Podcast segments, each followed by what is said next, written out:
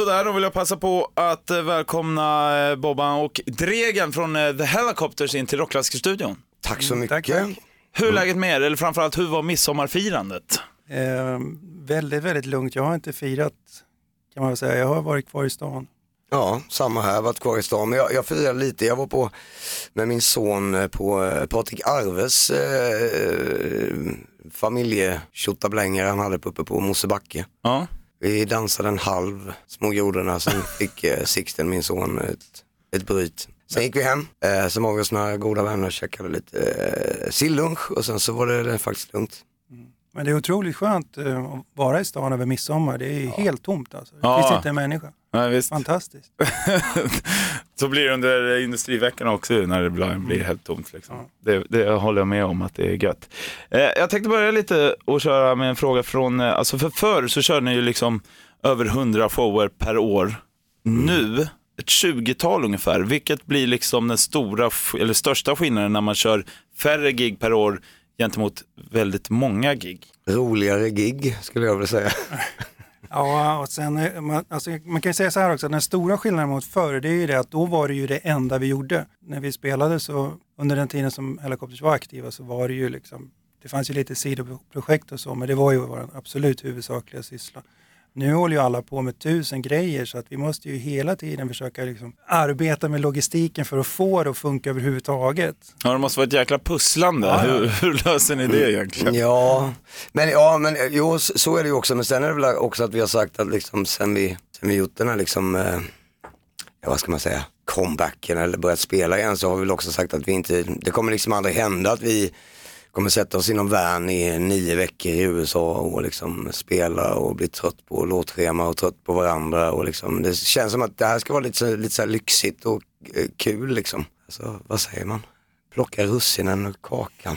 lite sådär. För att dra en gammal klyscha, men så, så är det nog lite. Eh, men visst, kommer det ny musik i framtiden som det kanske kan hända att det gör så eh, kommer det bli turné säkert och sådär. Men jag tror inte, vi kommer liksom inte, det kommer aldrig vara någon i Helicopters som kommer bli utbränd av turnerandet i alla fall.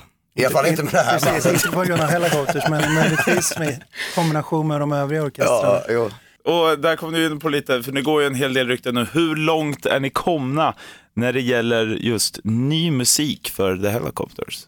Oj, det är inte så långt. Nej, det, Men hur mycket Alltså- pratas det om då, då? Eller har det faktiskt hänt någonting rent konkret?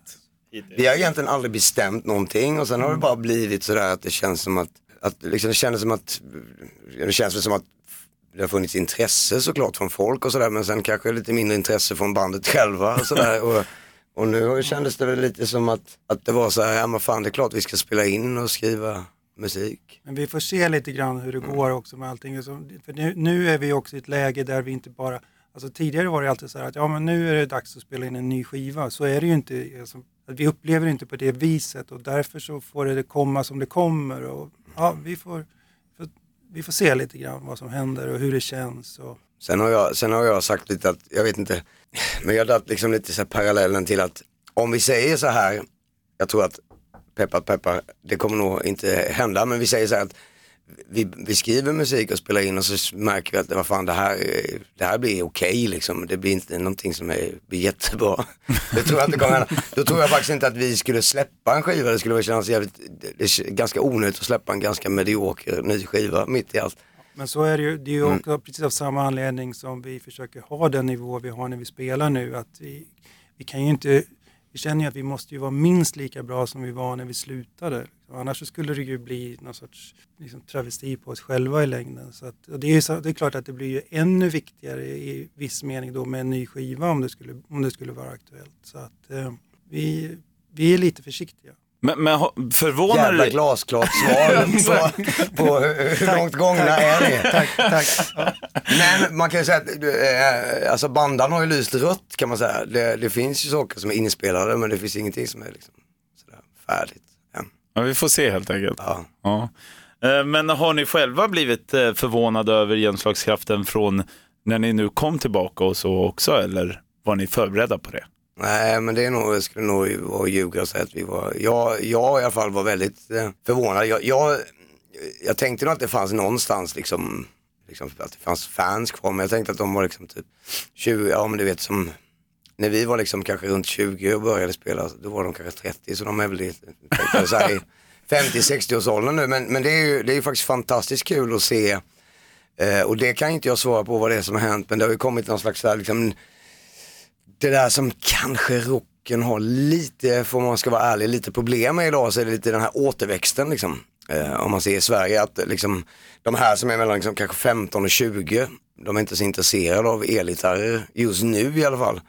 Eh, Lika mycket som när jag växte upp i alla fall. Eh, Men ja, i andra länder så är det ju så såklart. Men, just i, men, men det känns som att med Hellacopter så har det faktiskt kommit en, en helt ny generation. Så jag skulle säga att liksom i alla fall 30-40% av publiken är ju, de ser ju Hellacopters för första gången. Liksom. Ja, men det är sant, det är många som vi springer på som faktiskt, eh, som, ja, som då sa jag, vi var, eller jag var alldeles för liten när ni höll på liksom, så de var så tacksamma för att se oss nu. Men, men det, det var också så här att en av anledningarna till att vi slutade var att vi upplevde oss själva som en sorts bromskloss, så att vi höll tillbaka en massa andra band som vi tyckte, för vi tyckte det fanns en återväxt i Sverige. Och sen så när vi slutade så var det liksom ingen som var intresserad heller utav att plocka upp de här banden.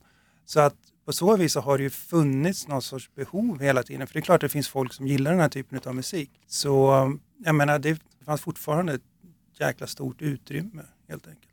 Och nu nästa spelning blir ju då kvart över nio på fredag under den här Lollapalooza-festivalen på Park Stage, som de kallar den scenen. En internationell festival, men hur mycket vet ni själva om den egentligen?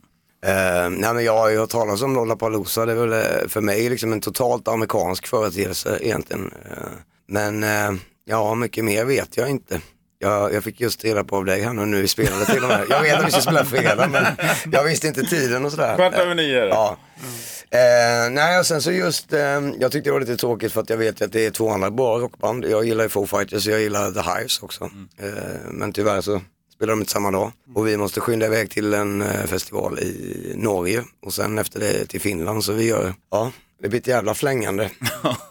så att, eh, nej men jag tror att det finns alla, det finns väl alla anledningar. Jag tror att det där blir en bra dag. Det, alltså för mig är ju lite så här, men jag är väl kanske lite för gammal. Jag känner inte igen alla artister. Så det känns som att det, det är en ganska, det är en ganska liksom, vad ska man säga, eh, spretig kanske är en negativ klang, men bred festival rent musikmässigt. Ja, men exakt. Det känns som att liksom, det är Dave Grohl som eh, tar axel på någon, eh, någon DJ med, det känns som liksom Summerburst möts, möter eh, Download eller Sweden Rock mitt i allt. Liksom. Ja.